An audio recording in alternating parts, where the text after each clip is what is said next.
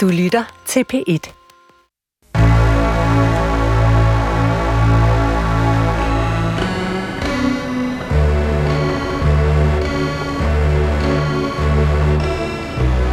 Du har ringet til Hemmeligheder på P1.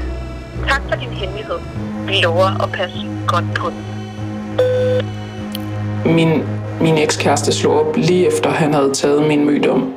Og nu er min hemmelighed, at jeg overvejer, om jeg skal smadre alle hans ting.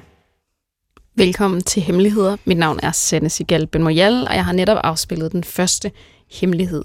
Jeg skulle prøve at fortælle eller oversætte det her program til en 10-årig i den her uge. Og øh, må konkludere, at det er svært at beskrive øh, hemmeligheder for en 10-årig. Måske fordi 10-årige fortæller alting, jeg ved det ikke, men det eneste opklarende spørgsmål var, hvor sidder en hemmelighed? Altså, hvor fysisk sidder en hemmelighed? Og det er helt utroligt svært at svare på. Og jeg har tænkt meget over det lige siden. Hvor sidder en hemmelighed? I maven? Har man hemmeligheden? Har, altså, har man maven fuld af hemmeligheder? Har man halsen fuld af hemmeligheder? Har man hovedet fuld af hemmeligheder? Måske det mest oplagte? Jeg ved det ikke. Og måske er det heller ikke så vigtigt. For det, vi taler om her, er jo ligesom hemmelighedernes anatomi. Hvorfor er de opstået? Øh, skal det blive ved med at være en hemmelighed?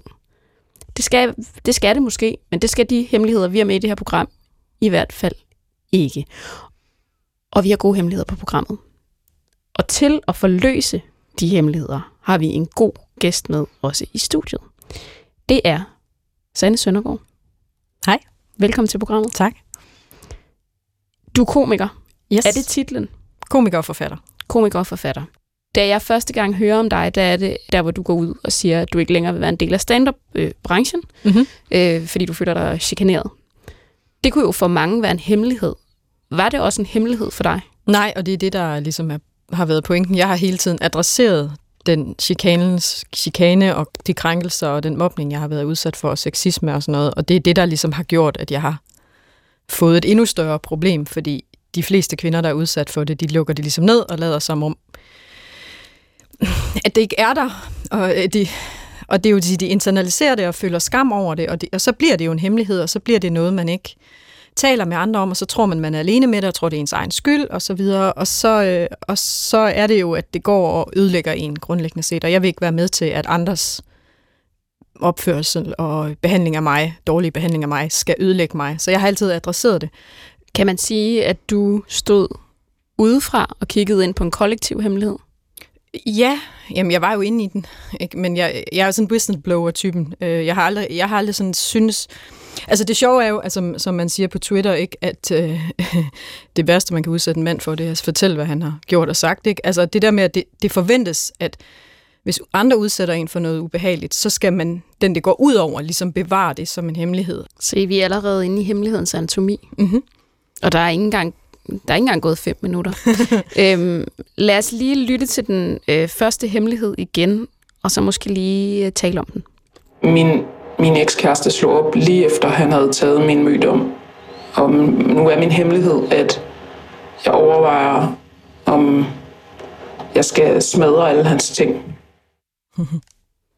Du siger, Ja, det er ikke så meget en hemmelighed, det er jo bare sådan, vi alle sammen har det, er det ikke? Altså, det kan være, at du kan gøre alle hemmeligheder til noget, hvor du egentlig tænker, ja, det, det er jo bare, det her det er jo bare at sige det. Altså, jeg Ja. tænker, det siger helt klart noget om, hvor du også står med, med hemmeligheder, ikke? Men, men det lyder som om, at det er en hemmelig følelse, eller det er i hvert fald måske noget, der bliver en skamfuld følelse at have det sådan, at man har lyst til at rasere jeg tror, grunden til, at jeg ikke tager mange af de her ting ind, det er, fordi jeg simpelthen er så vred. Jeg ved ikke, hvorfor min grundfølelse er vrede.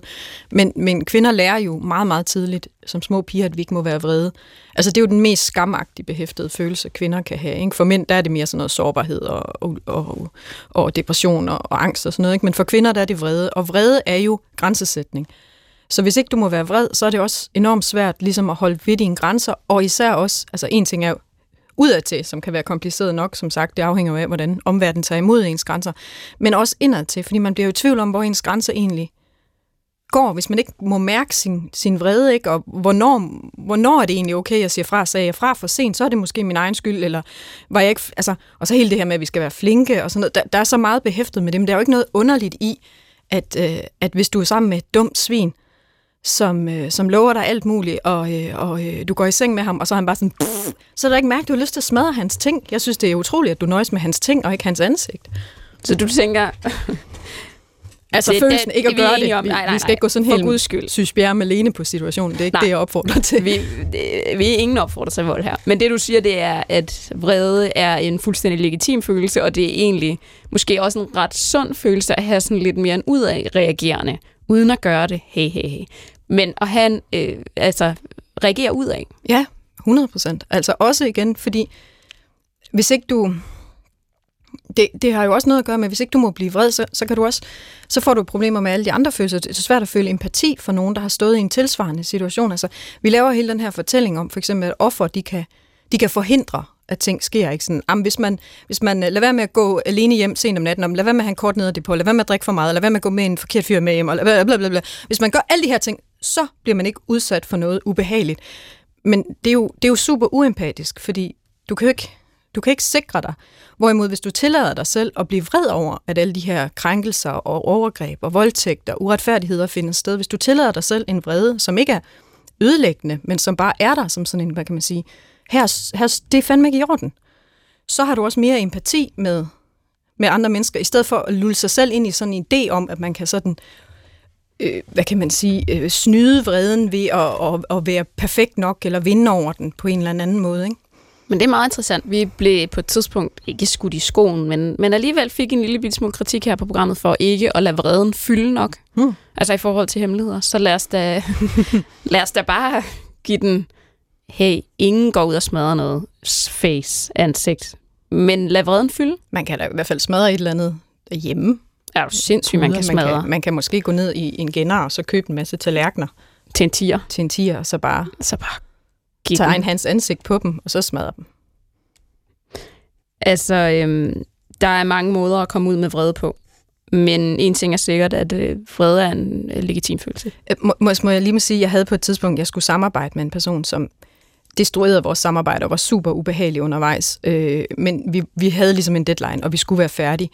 Og der, der havde jeg simpelthen sådan nogle voldsfantasier, hvor jeg sådan forestillede mig at bakke ham over med en bil og, øh, og trampe på ham med golfsko, du ved dem, der har pigge på i ansigtet. Meget specifikt. Meget, meget specifikt. Øh, og det er selvfølgelig ikke noget, jeg kunne finde på at gøre i virkeligheden, men det var sådan et lidt andet sted forløsende at lade den der vrede blive til de der fantasier. Så, så, så, så det er selvfølgelig ikke... Men det, det, selvfølgelig det jo være en hemmelighed for mange mennesker. Ja, det er jo ikke lige noget, man åbner med til en, til en familiefrokost, vel? Men, men jeg synes, jeg synes, altså fantasi er jo gratis.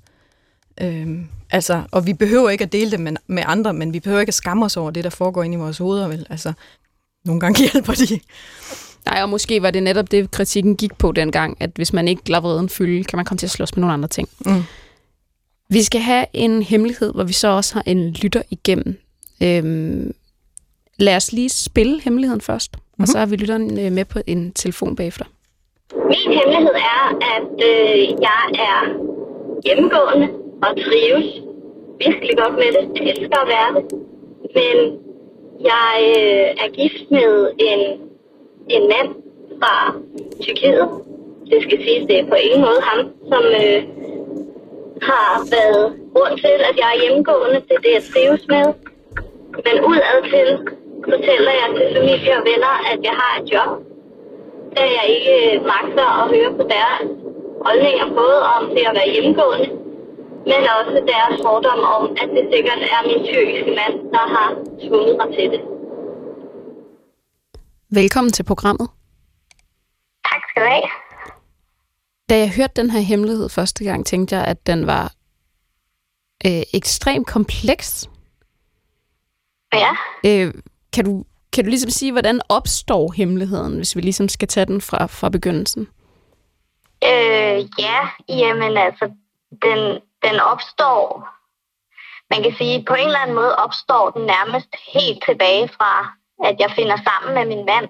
Øh, fordi jeg allerede der oplever, at øh, primært ældre øh, familie og mine kollegaer fra min daværende arbejdsplads, de siger, nå, okay, så nu skal du rigtig til at være hjemmegående, og øh, mange andre fordomme, nu skal du rigtig have burka på, og så videre. Øh, jeg finder, eller fortæller, at jeg har fundet en mand fra, øh, fra Tyrkiet. Øh, og de har jo lidt holdt ved. Og da jeg så blev gravid, så blev det jo endnu mere, nå, nu skal du øh, være hjemmegående og bla bla bla.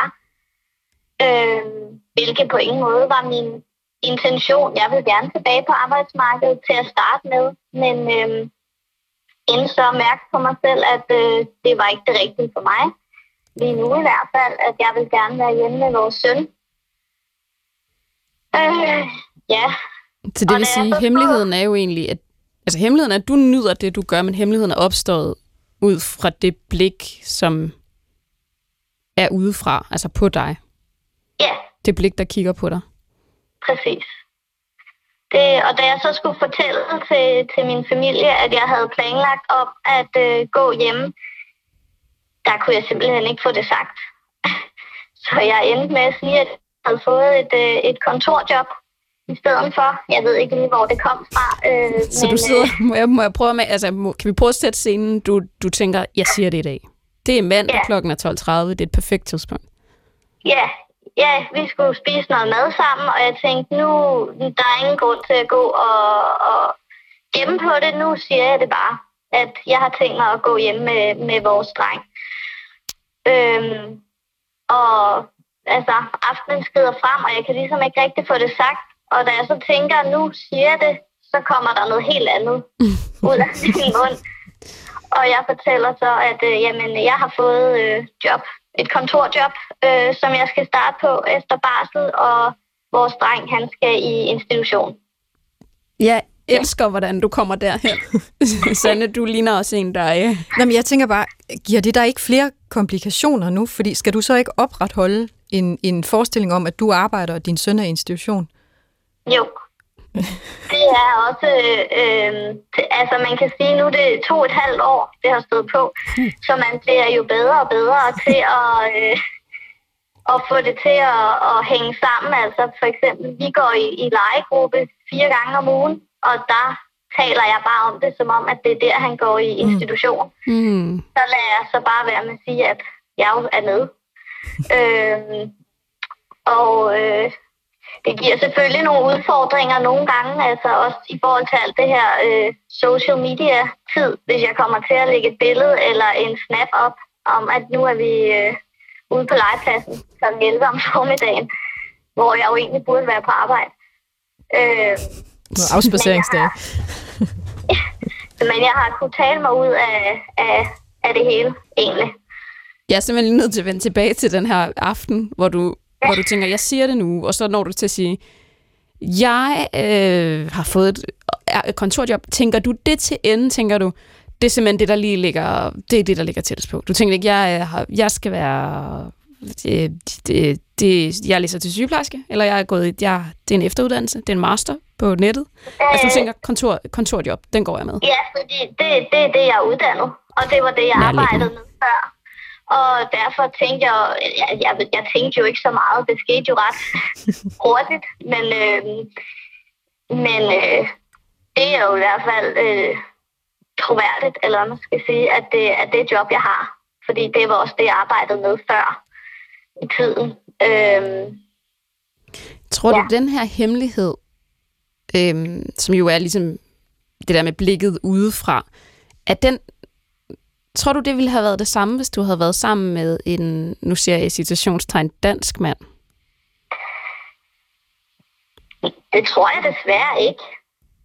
Altså, det er, det, det, altså det, hele baggrunden for, at den her hemmelighed er opstået, er jo på grund af de fordomme, der var og stadig er til del mod, at det er en, en, en tyrkisk mand, øh, eller tyrkisk baggrund, Øh, og jeg tænker, at ja, det, er jo, det er jo svært at sige, men, men, men jeg tænker, at hvis jeg havde fundet en, en ja, situationstegn dansk mand, så havde de fordomme jo aldrig været opstået. Så derfor tror jeg nemmere, at jeg havde kunne sige, jamen jeg har besluttet at være hjemmegående. Og så tænker jeg, at de i højere grad havde troet mere på, at det er min egen beslutning, og ikke hans beslutning, hvis det giver mening. Hvad siger din mand egentlig? For han er vel også involveret i hemmeligheden. Det er han. Han ved det godt. Øhm, og han, han kiggede jo også noget forvirret på mig til den middag, fordi han var med. Øhm, og, øh, men lå mig jo tale, og ja, han troede faktisk først, at det var rigtigt, at jeg havde fundet det her job. øhm, men, øhm, og han er jo sindssygt ked af, at det er sådan her, det er endt, og føler sig jo skyldig over, at, øh, at, øh, at jeg bliver nødt til det her. Øhm, men, men han laver også mig selv om det. Altså, det, hvis, hvis jeg gerne vil sige det højt til, til andre, så, så, vil, så støtter han selvfølgelig op om det, at, at det er det, jeg skal gøre. Men, øh, Og har du overvejet det? Altså nu ved jeg, at du har jo prøvet at fortælle det til den famøse middag, men har du overvejet måske igen og ligesom tænke, ej, ved du hvad, nu sætter jeg en middag op, laver noget dejligt, øh, dejlig mad, og, øh, og så, så siger jeg det en gang for alle. Jo, det overvejer jeg øh, nærmest flere gange om ugen. Øh, og så har jeg også meget overvejet, hvilket scenarie, altså skal jeg sige det som det er, at jeg faktisk ikke har arbejdet på noget tidspunkt, eller skal jeg ligesom bare sige, om nu har jeg valgt sige mit job op og blive hjemmegående. Øh, Og den er også svær, ikke det der med, skal du, skal du nærmest dække løgnen i en ny løgn, eller skal du Præcis. lægge alle kortene på bordet? det er det. Men, øh, men jeg er simpelthen bare så bange for, at deres, øh, altså min families syn på ham vil ændre sig, hvis jeg siger det. Specielt også nu, når det har været hemmeligt, fordi så Mm. virker det jo endnu mere til, at det er ham, der er, bestemmer, at det er det, jeg skal gøre, og jeg så øh, har holdt det skjult, fordi jeg ikke vil have, at de skulle have ret. Hvilket jo på ingen måde er sådan, det hænger sammen. Men, øh, men jeg er bare så bange for, at de, øh, de ændrer deres syn på ham, og ikke vil tro på, at når jeg siger, at det, at det er min egen beslutning, og ikke hans beslutning. Lige inden Så du kom på, talte øh, Sanna og jeg meget om vrede, som Ja. sådan en meget sådan, øh, det, er, det er især Sanne, der plæderer for det, men altså som at gøre det til en meget sådan legitim følelse. Øhm, jeg tænker, at, at bliver, du ikke, bliver du ikke vred? Jo. Altså, jeg bliver vred på, at hele den her situation overhovedet har skulle opstå på grund af nogle åndssvage, øh, gammeldags fordomme og holdninger øh, det, det har jeg da brugt meget tid på at være, være vred over. Men på den anden side, så altså, jeg har det jo rigtig godt i det, jeg gør, og det at være hjemme. Så øh, det er jo ikke sådan, jeg går og vred i hverdagen, men jeg er da vred over, at, at det er sådan her. Øh, fordi hvis nu jeg bare havde haft en familie, som ikke havde haft de forhold, fordomme på forhånd, så tænkte jeg ikke, at det havde været nødvendigt. Så havde jeg jo nok bare kunne sige det, som det var, Mm. hvis det giver mening. Det giver virkelig god mening. Og det er interessant lige at få lov til at komme ind i din hemmelighed, som, ja, som indeholder mange dilemmaer jo også, ikke? Altså, øhm, Rigtig mange. som er en hemmelighed, vi slet ikke har haft før, og slet ikke har haft noget, der, der minder om. Meget interessant og meget komplekst. Ja, Hvordan var det at fortælle os det? men det var faktisk meget dejligt. Det, det gav også, og det gav også lidt ekstra øh, stof til eftertanke, om jeg måske bør lade, lade være med at lade det være en hemmelighed. Det er i hvert fald vildt at have en hemmelighed om, at du faktisk har et dejligt liv. Ja. ja, ja, ja, når du siger det på den måde. Så det, Du lyder, prøv at høre, du lyder som en, der totalt har vundet det der øh, liv. Altså, det lyder dejligt. Men tænk så, at du har været hjemme i to og et halvt år og synes, at dit barn er fantastisk. Altså, ja. ved Men- du hvad, det er jeg, det er jeg misundelig på. Ja, ja, men jeg, jeg synes jo, at lige præcis sådan en slags hemmelighed, eller, eller i virkeligheden en løgn, er jo totalt retfærdiggjort i, at øh, hvis du skal høre på alt muligt pis, så, så, har jeg, så synes jeg absolut ikke, der er nogen grund til, at du skal sige det. Altså, hvis det giver dig flere problemer. Øh, altså, det, det var bare fordi, jeg tænkte, det lyder enormt komplekst at skulle fortsætte med at lyve om et eller andet, som er så grundlæggende som, som, som dit hverdagsliv. Men, men jeg er 100% for, at man ikke, andre mennesker fortjener ikke en sandhed, hvis, hvis det bare betyder, at de bliver ubehagelige. Nej, det er også rigtigt. Og du tænker, Og hvad ja. er det letteste?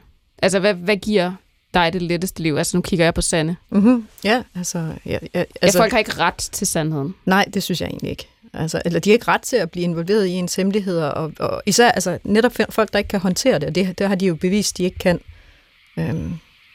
Men, ja. men jeg, jeg synes det, det, det, jeg synes jo altid, at man skal gøre det, der er bedst for, for, altså for dig. Ikke? Så det er, jo, det er jo kun så længe, det ikke bliver for kompliceret at opretholde hemmeligheden. Altså hvis, hvis, hvis de krumspring, man skal lave for ligesom at folk ikke opdager, hvad der foregår, bliver, bliver mere vanskeligt, end det vil være bare at sige det, så, så, så skal det måske løses på en anden måde. Ja, altså det har jo fungeret i, i ja, snart tre år, uden øh, sådan kæmpe problemer, så jeg tænker da, at det vil kunne lade sig gøre og fortsætte. Men øh, nu må vi se. Har du øh, tænkt dig at blive ved med at være hjemmegående, når han starter i skole også? Nej, det tænker jeg ikke. Jeg tænker, at, øh, at jeg, jeg havde brug for at være hjemme med ham nu her, mens han var lille. Den tid er der jo kun én gang.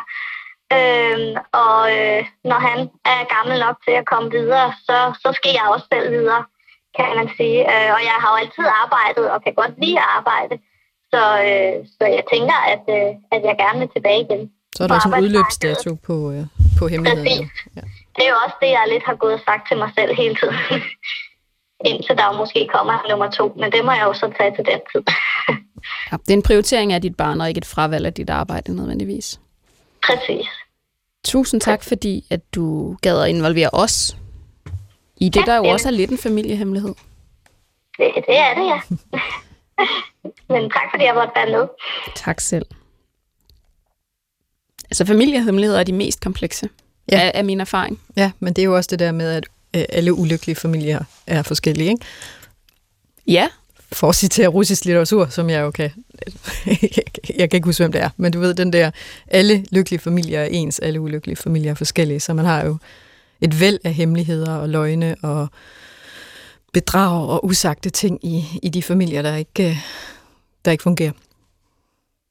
Jeg ved, hvorfor det altid bliver mere komplekst, men det er jo selvfølgelig også klart, at der er flere involverede. Jo flere, der er involveret, jo mere komplekst bliver det jo. Ja. Øhm, men det er jo vildt sjovt at lyve om, om sit arbejde, fordi det er jo sådan noget, man typisk gør på et CV. Altså det er jo, det er jo typisk over for den næste arbejdsgiver, og der vil hun jo formentlig ikke lyve. Øh, så så det, det, det er meget skægt. Øh, men vi har jo alle sammen sådan nogle livsløgne kørende. Eller siger jeg alle sammen, jeg er ikke særlig god til det, men, men de fleste har jo sådan en livsløgn kørende over for, for familie og venner og sådan noget. Øh, om at, altså, bare helt simpelt sådan en, jeg har jo styr på tingene, øh, løgn. Øh, og det her er jo en, en, en meget sådan øh, dramatisk udløber af det. Ikke? Altså det, det, det er forbøvlet at skulle involvere folk i, i mit, mit kaos og mine... Øh, selvom det her det ikke er et kaos, det er det modsatte, men det, det, det, fordi det virker som kaos i andre menneskers øjne, så er det nemmere at, at bare lyde, som om man er ligesom alle de andre. Jamen, du har ret. Det er jo egentlig også en hemmelighed, når man lader som om, at det hele kører, hvilket jo mange gør, også over for familien, fordi man ikke overgår, man overgår måske ikke bekymringen. Den skal man også tage på sig. Ja. Ja, ja, og, og de... i det her tilfælde fordommene, både bekymringen og fordommene, ja. måske med lidenheden, den kan også være lidt tung at bære rundt ja, på.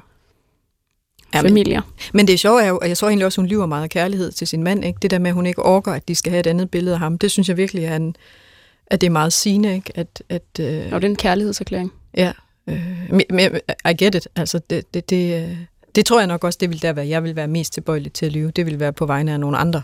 Altså for at beskytte dem mod øh, ja, at andres dårlige blikke og sådan noget. Ja, for det kan man næsten ikke bære. Nej. Man kan godt, jeg, jeg kan godt hænge mig selv ud, men jeg tror, jeg ville være ked af det, hvis det var nogle andre, der sådan... Hvis andre fik det der billede af de mennesker, jeg elsker. Især når det ikke passer. Ikke? Altså, sådan, jo, og det er jo også svært, fordi det er jo også det, hun siger i hemmeligheden, da vi snakker med hende. Det er jo det der med, at hvis hun siger det nu, så er det som om, at det næsten var sandt. Mm. Altså, så det bliver sådan helt omvendt ikke? At det, som slet ikke var sandt, så blev helt dækket, eller var i en hemmelighed, og nu, hvis hun fortæller det nu, så virker det, som om hun dækkede over. Altså, ja. det, det der kompleksiteten opstår. Det er ja. meget interessant. Vi tager lige en hemmelighed, som øh, er en helt anden, øh, en helt anden ende af skalaen. Min hemmelighed er, at jeg har faked at sove revsøvn. Fordi jeg har oplevet, at mange dates finder det ret cute. altså, han har fikket, så, altså, han har, han har sovet revsøvn, ikke? Han jo, har ikke, åbenbart. Han har ikke fikket at sove revsøvn. Nå, gud Fordi nej. så har man vel sovet rigtigt. Men ja, Sat. Ja. Ja, det er en, der er fækket og så revsøvn, fordi dates finder det cute. Ja, men det er vel også meget sådan Du af, sagde, det var en mand. meget afvæbnende. Du tænkte, det var en mand, der havde sovet revsøvn. Øh, ja... Tror du, kvinder finder det cute? Jeg ved det ikke. Ja, det tror jeg egentlig lidt, fordi, det, fordi at, at øh, så, så ryger det der lidt øh, hårde maskuline filter af, og så kan man måske se den der lille dreng derinde bagved. Så det kunne jeg egentlig godt forestille mig, at det kunne være sådan lidt... Øh. Men jeg har jo gjort det samme. Øh, Hvorfor? fordi vi var, da jeg var, det var sådan, jeg skåede min første kæreste, da vi var på, øh, på bustur i, øh, til Provence i 2G. Der, øh, der lavede jeg sådan en, øh, jeg kan ikke sove over på min plads, fordi det er jo den der plads, der ikke kan soves på, så er jeg nødt til at sove ved siden af dig. Og så lagde jeg mig op ved siden af ham og lød, som om jeg sov. Jeg sov overhovedet ikke, vel, men Så du sov yndigt? jeg sov yndigt, ja. Der var ikke nogen fis, der var ikke nogen højlytte prutter og andre ubehagelige ting. Det var bare stille og roligt. Nej, se hvor yndigt jeg sover. Sådan helt freds, Ja. ja. fredfyldt. Det virkede, det virkede. Jeg scorede. Scoret med Gud, søvn. ja, måske er det en dating-ting, det her. Ja. Jeg tænkte, at det var sådan... Nogle gange skal man jo tænke, at det her bare er mig, eller er det også andre? Det er måske faktisk... Du kunne genkende det. Altså, det, jamen, det, er jo, det er jo en måde at vise, at altså, man viser sig jo fra, i virkeligheden fra en enormt sårbar side, når man sover ved siden af et andet menneske. Ikke? Jo, altså det at kunne sove ved siden af et andet menneske, er jo også sårbart. Altså der er jo Ja. tit, hvor man... Ja, jamen, jeg kan heller ikke, så det er også derfor, jeg er nødt til at fik. Det tager, det tager lang tid for mig at lære at sove ved siden af nogen. Fordi det er en tillidsting. Ja, er helt sikkert. Så, så øh, det, er en, det er en smart strategi. Nu tror jeg, det er en han, men at han eller de har valgt. Det, øh, Ja, fordi man ligger der, og man ligger jo forholdsvis tæt, men man overgiver sig ikke til søvnen, fordi det vil kræve noget andet. Og så, så, så, så revsover man. Ja. Man sover ikke, man, re, man sover ikke i revsøvn, var det, du sagde. Man, nej, ja, altså man, man, man, Revsover. lukker, man lukker øjnene, og så laver man jeg, jeg ved ikke, altså, det er jo ikke sådan noget fordi, fordi det er ikke det, der er cute, vel? Måske er det. Måske er det, det måske for at give folk en... Øh, altså, jeg, har- jeg, jeg, har engang, altså, jeg har engang fækket et nys. Øh, Altså virker det også øh, jamen, det var fordi... Jeg ved ikke, hvorfor, men det, det, det var fordi, jeg var datet en ret lækker fyr, og så, og så første gang, jeg skulle nys, så, øh, så gjorde jeg et eller andet, så det kom ud sådan... Itty! Og så var han sådan, ej, ej, du har bare det sødeste musenys i verden. Og så, sådan, så, så havde jeg ligesom ødelagt min nys fra dag af, fordi jeg kunne ikke nys normalt. Jeg kunne ikke snige det der rigtige ind bagefter. Så hver eneste gang, jeg var nødt til at nys. Og det er jo det samme, det er jo problemet ved at fake orgasmer eller søvn eller sådan noget. Det er jo på et eller andet tidspunkt, hvis du bliver ved med at se personen, så skal du ligesom have det rigtige introduceret. Og, og, og altså, Ja, og der er problemet, at faldet bliver for, for langt. Altså fra adieu til... ja, eller hvis man laver sådan en lille yndig orgasme, sådan lidt "Åh!" eller hvad det nu er, man gør, ikke? Og det er så i virkeligheden sådan noget, "Øh!" jeg, jeg ved ikke. Eller et Jeg nys. ved heller ikke. Sandt. Der er noget med overensstemmelse øh, øh, mellem, mellem, mellem sandhed og fremstilling Mhm. her, som er meget interessant i hemmeligheden. Vi tager lige den næste hemmelighed. Jeg har ikke fortalt nogen i min omgangskreds, at jeg har bollet med en fra min terapigruppe. Det kan i øvrigt ikke anbefales. Jeg kan godt lide, når vi får en hemmelighed, og så faktisk også lige en konklusion. Ja. Det er sådan, jeg har gjort det her, det er en hemmelighed. By the way, det er ikke en god idé. Nej, det er det sikkert ikke. Altså, men det er jo sjovt også med hemmeligheder, at man, man mange gange, når man allerede har konkluderet, at det var en dårlig idé, så, så er det også ligesom, og det er der, vi ikke fortæller den videre. Øh, altså, jeg tror, jeg, jeg tror Men det var egentlig der, man burde kunne fortælle den videre, for der har man jo ligesom nået til konklusionen, at Nej, man kunne- står ikke længere i den. kunne, kunne andre lære noget af den? Jamen, det er jo der, hvor skammen opstår, tænker jeg. Ikke? Fordi hvis, hvis man nu var forvirret, så havde man måske brug for at snakke med nogen om den. Øh, øh, det er i hvert fald meget sådan, jeg har det, når jeg ikke ved, om ting er en god idé. Så, øh, så snakker jeg med andre. Så hvis de konkluderer, at det er en dårlig idé, så kan det godt være, at det er sådan, åh, den skulle jeg måske ikke have delt, den der. Så begraver du den et eller andet sted. Nej, men den er ude. Sandt. Ja, det er fordi, det er fordi jeg, jeg tror, jeg, måske er det fordi, jeg meget sjældent er, er sikker på noget som helst, jeg gør. Eller, det lyder forkert, men, men jeg gør et eller andet, og så, og så, er jeg, så får jeg en eller anden reaktion, og det er tit ikke i overensstemmelse med, hvordan jeg selv havde det med situationen. Og så er jeg nødt til at dele det med en eller anden af mine, mine fortrolige, ikke? for lige at finde ud af, var det bare mig, der var fucked up. Og så har jeg nogle gode fortrolige, der siger, nej, nej, det var helt normalt. Og så er det jo ikke sådan en, altså, så er det jo ikke sådan en, hvor jeg så gemmer den og skammer mig over den, fordi jeg har ligesom, altså den, den bedste kur mod skam, det er jo at sige det åbent, ikke? Det er jo at tale med andre og, at blive, at, at blive mødt i sin oplevelse. Det er selvfølgelig ikke nogen særlig god kur mod skam at dele noget andre, de simpelthen siger, ej, seriøst, gjorde du det? Og det er jo det, man frygter. Ja, men, men så, så, så har man delt det med det forkerte. Altså. Okay, fordi det er jo det, jeg tænker, det er lige præcis det moment i hemmeligheden, du frygter, når du siger noget højt, og så siger folk, enten ser de forkert ud i hovedet, de ligger simpelthen ansigtet i de forkerte folder, eller siger de, gå ud i himlen, det kan jeg ikke genkende. Mm. Og så siger du, så har man simpelthen delt det med de forkerte. Altså, øh, så min, min skamgruppe af, af venner, som jeg kan dele ting med, de, det er ikke sådan, at de altid siger, det kender jeg godt, sådan har jeg det også, men, men de, siger, de siger ikke, ej, hvor du mærkelig, fordi du har det sådan. De siger, nå, okay, har du sådan, tænkt du sådan, jamen, det giver da egentlig meget god mening, eller fortæl mig mere. Altså, det der med, at man er sådan i et trygt rum, når man fortæller, at dit, altså, det er ikke... Øh, øh, det, det, det, det, er jo, det, er jo, det er jo meget det, altså man, man kan godt være vildt mærkelig, men hvis, hvis folk ikke ligesom øh, påpeger det eller griner af det, men i øvrigt så synes jeg, jeg kan faktisk nærmest ikke huske, at jeg har delt noget med mine, mine, mine, mine nærmeste og mine fortrolige venner, at, og de har sagt, det har jeg aldrig prøvet, sådan har jeg aldrig tænkt. Altså det er altid sådan noget helt, nå ja, det er helt normalt. Men det er jo også det der med at have en betroet øh, gruppe, hvor man føler sig tryg, fordi vi også talt meget om i det her program, at nogle gange kan man jo komme til at fortælle den forkerte det. Mm. Og hvis man gør det, så kan det jo faktisk have sådan, det kan jo godt have store konsekvenser. Så det er jo noget med at finde en eller anden gruppe, hvor man føler sig komfortabel og, og tryg nok ved at kunne dele de her ting. Og prøve ligesom, som du prøver at beskrive det, altså trygteste. Ja, det er trygteste, det er et fedt ord. Ligesom med G, ja. Trygteste. Øh, ja. Men det er jo sjovt, det er så, fordi man må formode en terapigruppe, det burde være sådan et sted, ikke? Gud ja. Øh, så, så, det, så det er jo derfor, det ikke kan anbefales, fordi du har, du har en gruppe, du egentlig skulle kunne dele dine hemmeligheder i, og den gør du så noget i, der ligesom overskrider de der grænser for, hvad man... Ja, for det er jo rigtigt, man har jo bygget noget op sammen, man er trygt sammen, man har måske været igennem noget af det samme, man kan relatere. Man har netop den der gruppe, hvor man rent faktisk kan trykke med G, tryk teste mm-hmm. øh, sine sin følelser eller sine hemmeligheder. Og så sker der det, som ikke skal ske. Og det er jo det er svært at komme tilbage på den plads, ikke? Ja. Hvor man sidder der til højre.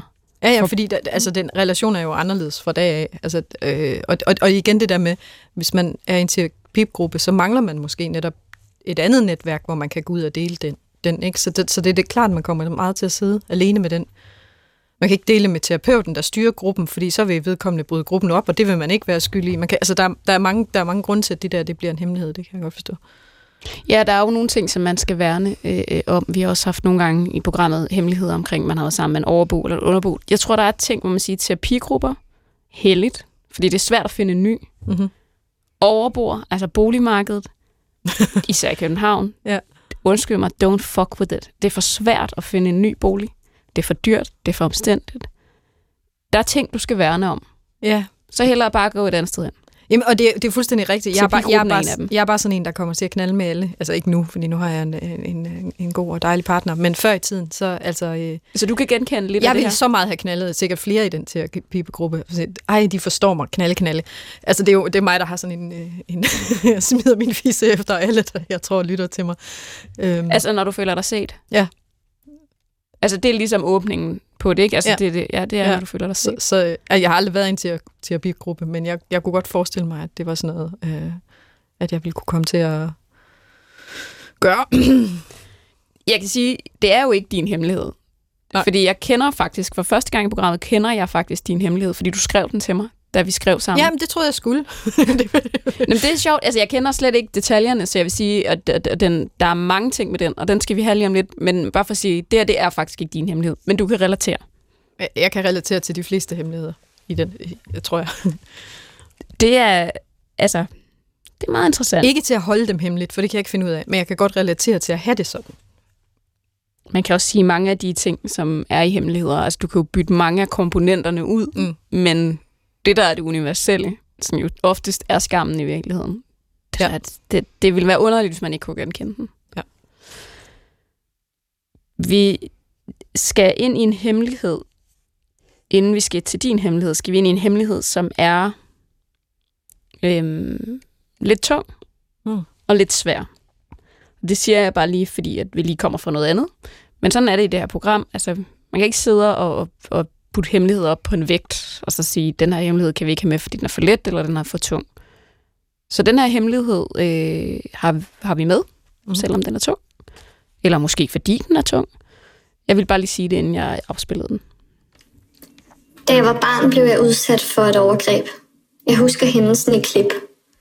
Min far var alkoholiker og drak utrolig meget i den periode. Det næste, jeg husker, er, at vi sad i et mørkt rum. Der var flere mænd. Klip. En mand tager mig op på skødet. Han holder mig fast og presser mit skød mod en hård bule i sin bukser. Det gør ondt, og tårne triller ned af mine kinder. Lydløst. Alt er sort. Klip. Min far siger, nu siger du ikke noget til mor om, hvad der er sket, for ellers får vi ballade. Tårne triller lydløst. Jeg er tavs. Jeg har aldrig fortalt det til nogen. Jeg har nogle gange tænkt, om det er noget, jeg har fantaseret, men min flashback siger, at det er sket. Jeg besluttede mig som voksen for, at jeg ikke vil tage det med ind i mit voksenliv. Min mand og mine børn ved intet, og jeg har aldrig fortalt det til nogen. Jeg har altid hadet min far, men også set ned på ham. Jeg har iagtaget og set alle hans svagheder. Jeg har svoret på, at jeg aldrig vil finde mig i det, som min mor fandt sig i. Jeg var et intelligent barn, og jeg vidste, at nøglen til at komme væk ville være at uddanne mig, så jeg kunne komme langt væk. I dag er jeg veluddannet, og jeg har et liv, som mange vil misunde. Vreden var i mange år min drivkraft. I dag er min hævn, at jeg har skabt et godt liv. Det er første gang, jeg fortæller min hemmelighed. Puha. Mm. Ja. Når du siger puha, så er det fordi, den, altså, altså, den er tung. Ja, det er jo helt forfærdeligt. Altså, det er jo forfærdeligt, at, altså, at når børn bliver udsat for sådan nogle ting, det kan man jo slet ikke. Altså, og netop det der, at hun, har, hun han har følt, at de skulle holde det hemmeligt. Og er blevet fortalt her faktisk, at det ja. her det er noget, vi holder hemmeligt. Altså ja. et af, hvad man holder hemmeligt over for sig selv, men her der er der jo nogen i en tidlig alder, der har sagt, det her, det er vores lille hemmelighed. Ja, ja. Øhm, det, er, det er jo også igen, som jeg faktisk startede med at sige, den der påtvungne. Nu virker det så som om, at den her person faktisk har besluttet sig for, at det er en, en hemmelighed, der skal holdes for måske øh, for at kunne ikke blive set på en anden måde. Altså det der, det der jo siger der med at blive gjort offer for noget så forfærdeligt, det er jo, at folks blik på en ændrer sig. Ikke? Og det er jo ligesom vores, øh, hende vi havde igennem, der fortalte om at, at lyve om ikke at være udsat for social kontrol. Ikke? Altså det der med, at man, man vil ikke have, at folk kigger på en på den måde. Man vil ikke have medlidenhedsblikket, man vil ikke have offerblikket. Øh, og det lyder som den, den her person, hun, hun han har altså øh, arbejdet sig ud af det, brugt vreden konstruktivt og kommet igennem det, og har ligesom øh, valgt at få et godt liv. Og, og så kan jeg godt forstå, at man ikke har lyst til, at det blik vender sig om. Altså, jeg har jo arbejdet meget med det der med at være et offer, fordi at, øh, jeg har været offer for mobning, jeg har været offer for øh, sexi- sexisme og seksuelle krænkelser, er ikke af så grov karakter som det her, but still. Øh, hvor jeg, jeg taler om dem, fordi jeg netop ikke synes, at altså, øh, Øhm, det er ikke et nederlag at være et offer for noget, andre har gjort. Altså, fordi vi har meget sådan retorik omkring det der med, at et offer, det er noget, man gør sig selv til. Ikke? Nu ved hele MeToo-bevægelsen, sådan lad dig jo være med at gøre dig selv til offer ved at fortælle om det.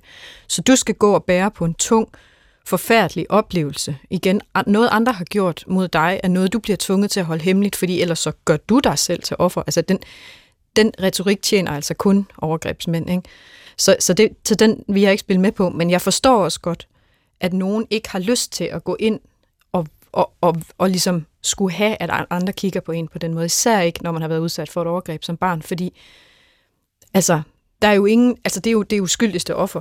Det, det kan alle blive enige om, og der vil man bare få medlidenhedsblikket. Altså når man som mig bliver udsat for sexisme og seksuelle krænkelser voksen, så får man meget mere sådan en medskyldighedsblik og sådan nogle ting. Øh, så der, der er mere vrede forbundet. Så jeg, jeg, jeg, jeg kan 100 forstå, at man, man ikke har lyst til at dele, men, men jeg bliver måske også sådan lidt, at jeg, at jeg, jeg, jeg synes, det er noget, man burde kunne dele med måske i hvert fald sin partner. Øhm, fordi at den person bør jo ikke få et andet blik på en, men måske en større forståelse for nogle af ens... Øh, altså, hvis ikke jeg fortalte Jonas for eksempel om, om, øh, om, øh, om øh, hvorfor, altså jeg har meget lidt tillid til, til mennesker, især mænd, ikke? fordi jeg har været udsat for så mange ubehageligheder, og jeg kan ikke... Øh, øh, jeg fandt ud af ret tidligt i vores forhold, at, øh, at når vi skændtes, hvis han begyndte at råbe af mig, så gik altså, jeg lukkede fuldstændig ned og fik angstanfald og sådan noget. Og der var jeg simpelthen nødt til at sige til ham, prøv at høre, jeg, jeg bliver bange. Altså, jeg, jeg er blevet råbt af og, og jordet øh, og sat i så mange ubehagelige situationer af, af mænd, der har hævet deres stemmer, øh, både bogstaveligt og, og i overført betydning over for mig, at det kan simpelthen ikke, det kan simpelthen ikke være i, at den mand, jeg skal kunne være allermest sådan mig selv og åben og følsom sammen med, også gør, så jeg lukker fuldstændig ned. Og hvis ikke jeg var i stand til at sætte ord på det, så, så tror jeg, vi havde, vi havde sat os selv lidt i sådan en standstill, altså øh, hvor, hvor han måske bare var blevet vredere, og jeg var måske bare blevet banger, eller, eller, eller jeg bare var stukket af. Altså, jeg har sagt, det går ikke med det her forhold. Så det, det at kunne forklare ens øh, Øh, følsomme sider, og de ting, der ligesom har skabt, at man har det, som man har det. Det er jo ikke ens egen skyld, at der er ting, der er sket mod en, og det er jo ikke ens egen skyld, at man måske har nogle traumereaktioner på et eller andet. Men, men det er jo det der igen med at trygteste, altså være i det der rum, hvor, hvor man bare helt kan være den, man er, og ikke være bange for, at man viser en side af sig selv, som den anden pludselig vil tage afstand fra, fordi så, så vil der jo altid være en afstand mellem den person og en selv, og det, det er altså, nu bliver det sådan helt lyrisk, men jeg synes altså, det er enormt smukt at være i et forhold, hvor man ikke er bange for at møde op som sig selv. Altså, jeg er ikke, jeg er ikke bange for, at der er noget, der slipper ud over for Jonas, øh, hvilket er ironisk, fordi det min kæreste hedder Jonas, fordi den hemmelighed, jeg har med, jo er noget, jeg har løjet over for, eller ikke har fortalt Jonas. Øhm. Ja, på den måde er det jo det er en ja. meget god opbygning til det. Altså, jeg tænker jo, at når jeg hører den her hemmelighed, så kan jeg også høre, at det er en hemmelighed, som netop ligger tilbage i tid. Altså, jeg kan høre, at det, det er et fuldstændigt Altså, det er en, det er en, nu siger en fuldstændig en komplet hemmelighed. Altså sådan, som den bliver fortalt, den er detaljeret, den er, den er, den er rigtig bygget op. Altså fordi det her, det er en hemmelighed, som personen har brugt lang tid på at, at være i proces omkring. Mm-hmm. Og det lyder som om, at den person er landet det bedste sted. Altså det, det er klart, at vreden her har været brugt som den person siger, som personen siger, som drivkraft mm. til at lande et sted, som, nu siger jeg som en hævn, altså det er jo igen i citationstegn, men det er jo den bedste hævn at få et godt liv. Ja. Altså, det må være den, den allerbedste kompensation, hvis man kan skabe det, og det tænker jeg kræver et ekstremt stærkt menneske.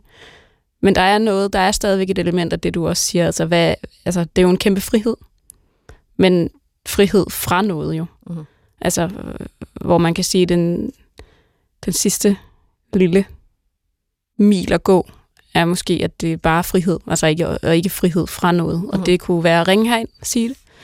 Det kunne være at sige det til sin partner. Sådan at, at friheden, nu siger jeg, bliver total. Altså sådan, at man ikke har den øh, på trods af noget, men... Jeg tænker også, at når, når personen ringer herind, så er vedkommende nok ved at nå dertil, hvor mm. man måske tænker, at nu, nu er jeg så helt rundt omkring det her traume, at jeg faktisk kan begynde at dele det med folk uden fordi det er jo igen det der med, at, at når det er så, så stort og voldsomt, og noget, der, der virkelig kan få folk til at ændre ens, deres billede af en, ikke, så, så skal man også virkelig både være klar. Altså, jeg har altså også jeg har virkelig været i mange terapisituationer, og det skulle man jo mene er en situation, hvor man går ind, når man er allermest altså i stykker, og har brug for en, der kan samle en, og et fortroligt rum og et trygt rum, hvor jeg har oplevet øh, at blive skammet ud, altså oplevet ikke at blive set og mødt i det, jeg sad med, som så har gjort, at, at jeg, øh, hvad kan man sige, jeg har det sådan, at hvis jeg skal have en terapeut, så er jeg nødt til at være et vist overskud, for jeg er nødt til at have ting, ting, tingene igennem, sådan at hvis den person ikke er i stand til at håndtere det,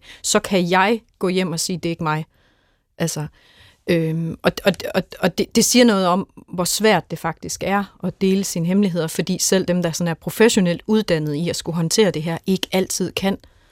Jeg tænker også, at man kan også høre det på hele hemmeligheden, den er sådan nærmest filmisk. Altså det er jo sådan nogle flashbacks, mm. som det tit er med overgrebshemmeligheder, ja. især hvis man har været barn. At det er sådan fragmenter, du har sat sammen. Øhm, og jeg tror, mange bliver i tvivl om, om de er virkelige. Mm. Øh, og derfor er det også svært at dele. Altså det er jo et svært traume at dele, fordi det er så øh, ja, fragmentarisk, eller det føles filmisk, eller men, men det, er, det er jo rigtigt. Altså det, der ja. er sket, er sket. Ja.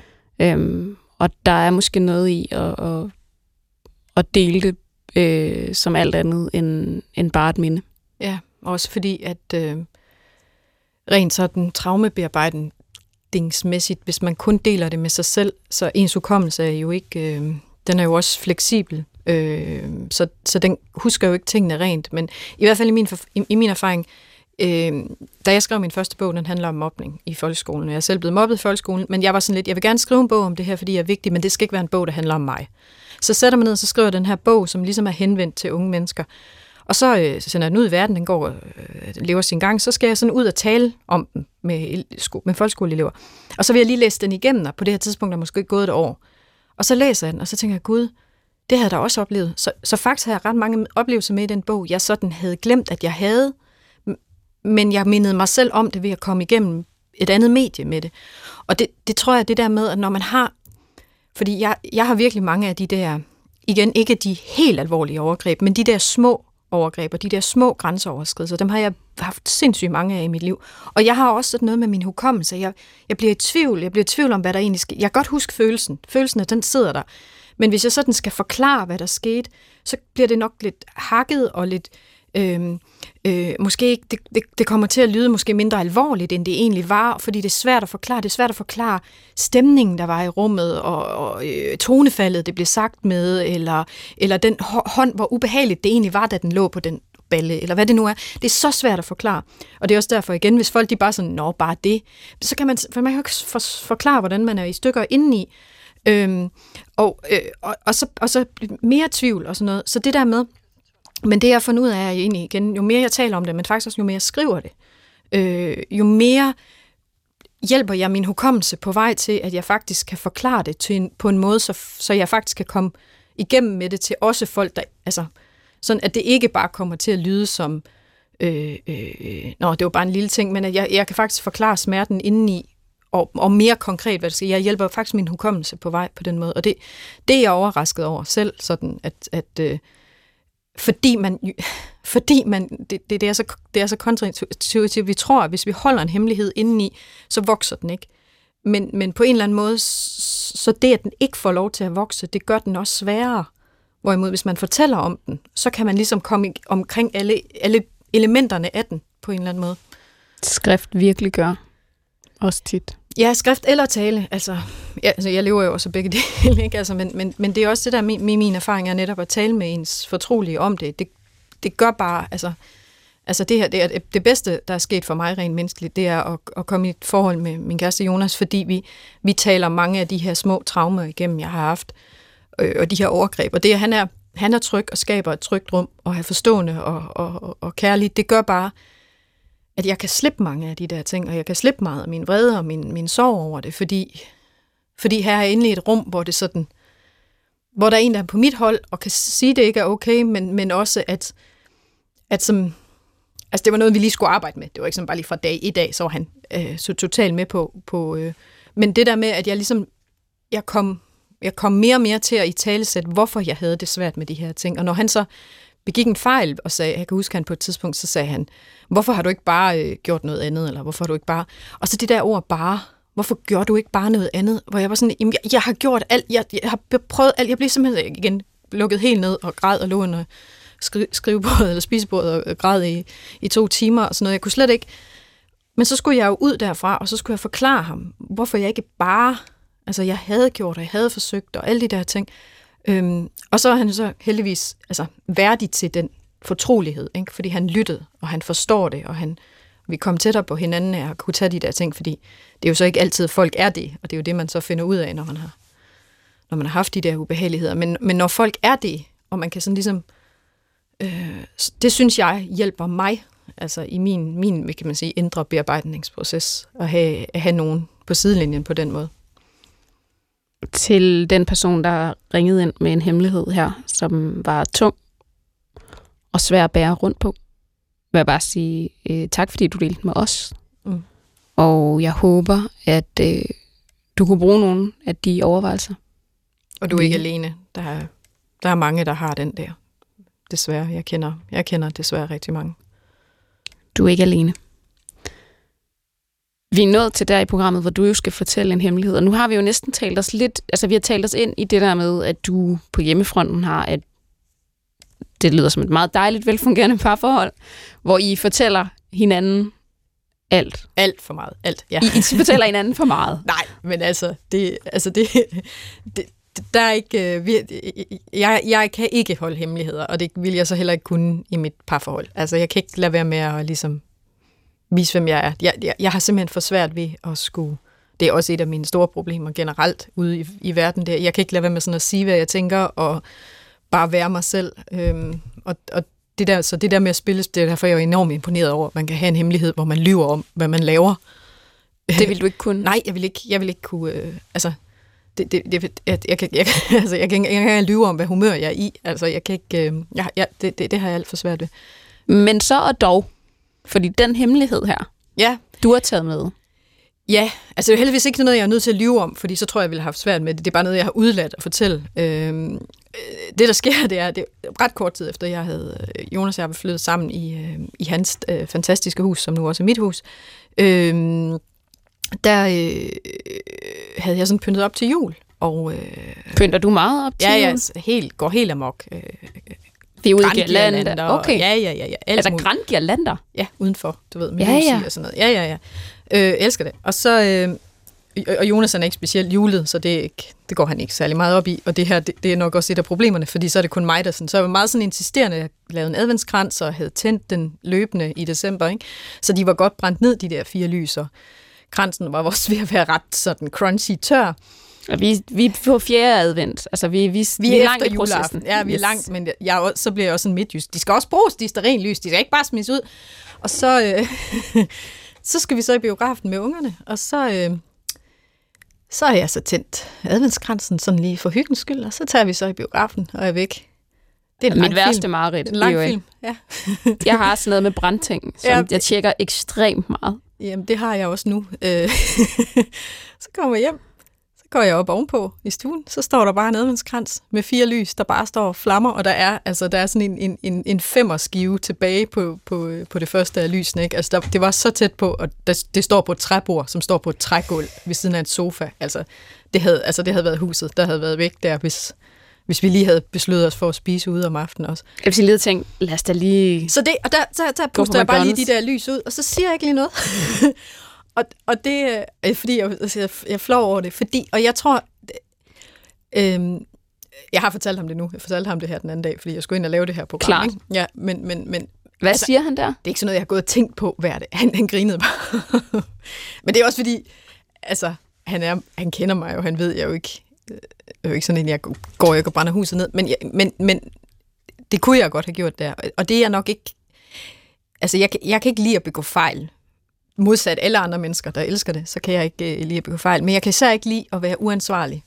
Altså det Nej. bliver, det bliver flov, når mine fejl, det sådan kunne have kostet nogen og andre noget. Vi havde lige mødt hinanden, og jeg, du ved, jeg var simpelthen bange for, at han ville synes, at, at, det var, at han kunne ikke overlade huset til mig, eller altså, du ved, at jeg var...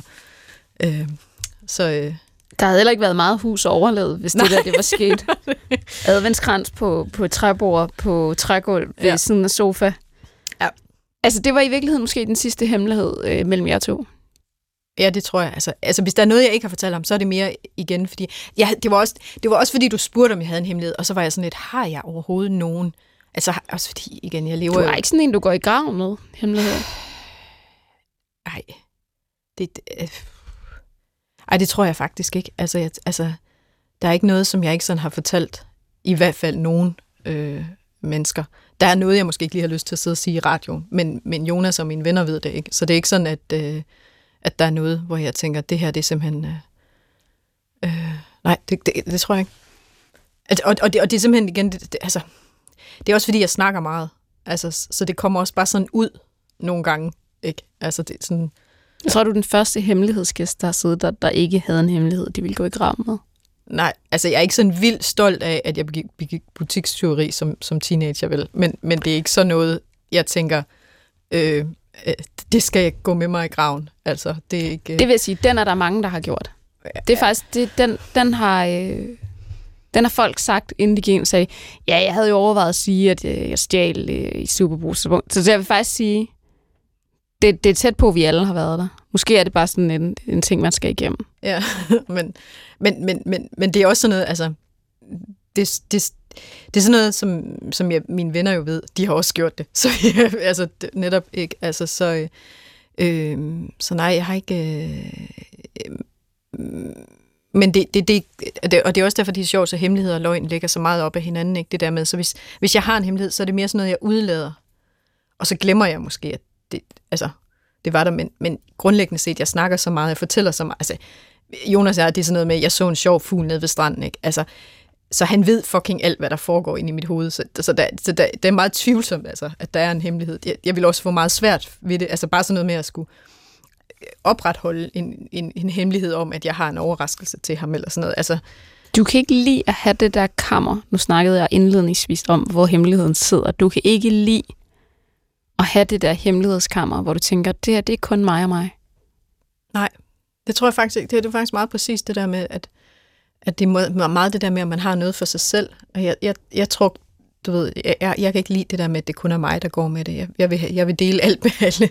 Altså, jeg vil, at det, det, det, for mig eksisterer det måske først, når det, det bliver delt med nogen. Jeg, jeg, ved, jeg ved ikke, eller... Jeg, jeg er i hvert fald svært ved det der med noget, der, der kun er inde i mig.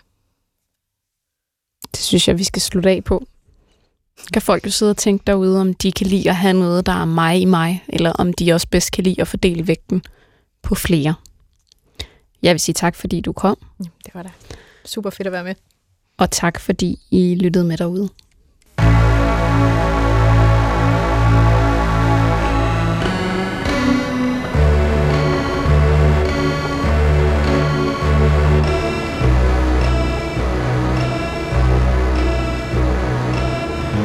Du har ringet til Hemmeligheder på P1. Tak for din hemmelighed. Vi lover at passe godt på den. Gå på opdagelse i alle DR's podcast og radioprogrammer. I appen DR Lyd.